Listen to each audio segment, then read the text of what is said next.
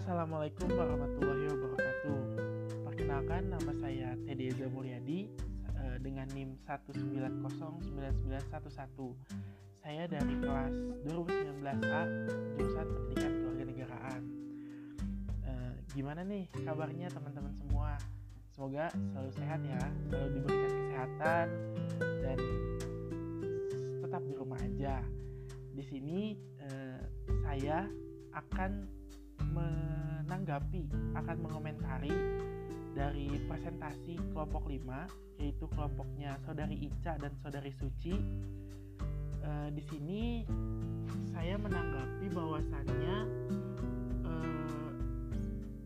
dalam salindia atau powerpointnya itu dijelaskan bahwasannya terdapat beberapa kursus metode studi sosial.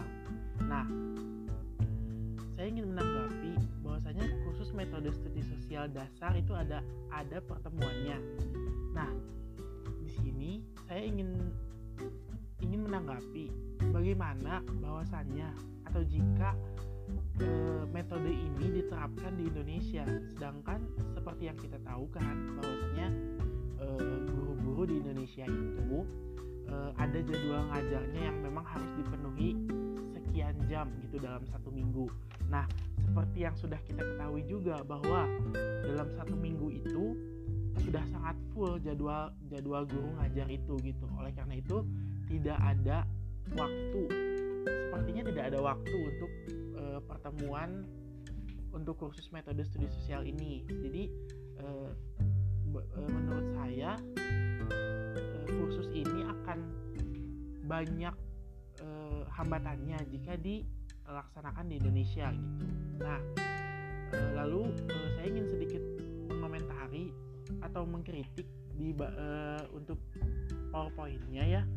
Di sana ada beberapa kata bahwasannya kata guru itu diganti dengan kata peserta. Nah menurut saya lebih baik kata peserta ini diganti saja menjadi kata guru agar mudah dimengerti dan tidak bias gitu jadi kitanya yang membaca uh, powerpointnya gitu.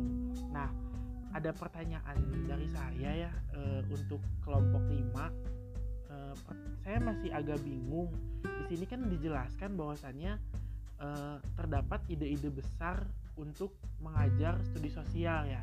Nah di sini saya ingin bertanya kepada kelompok 5 e, bahwasannya e, baga apa sih ide-ide besar itu dan apa kaitannya dengan pendidikan ilmu pengetahuan sosial itu sendiri gitu. Karena memang di powerpointnya di makalahnya belum dijelaskan tentang ide-ide besar ini tuh apa-apa aja gitu. Jadi e, boleh dong kepada kelompok dipersilahkan untuk diperjelas lagi ide-ide besar yang dimaksud ini tuh apa gitu. Dan saya sangat mengapresiasi e, kepada presentator ya kepada Ica dan Suci yang sudah menjelaskan materinya sedemikian rupa.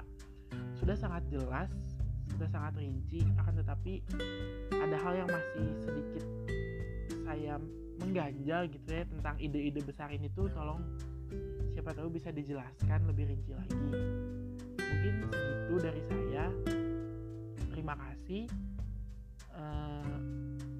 lebih kurangnya mohon dimaafkan dan semoga kita sehat selalu dan selalu diberikan kelancaran dalam menjalankan perkuliahan ini. Terima kasih.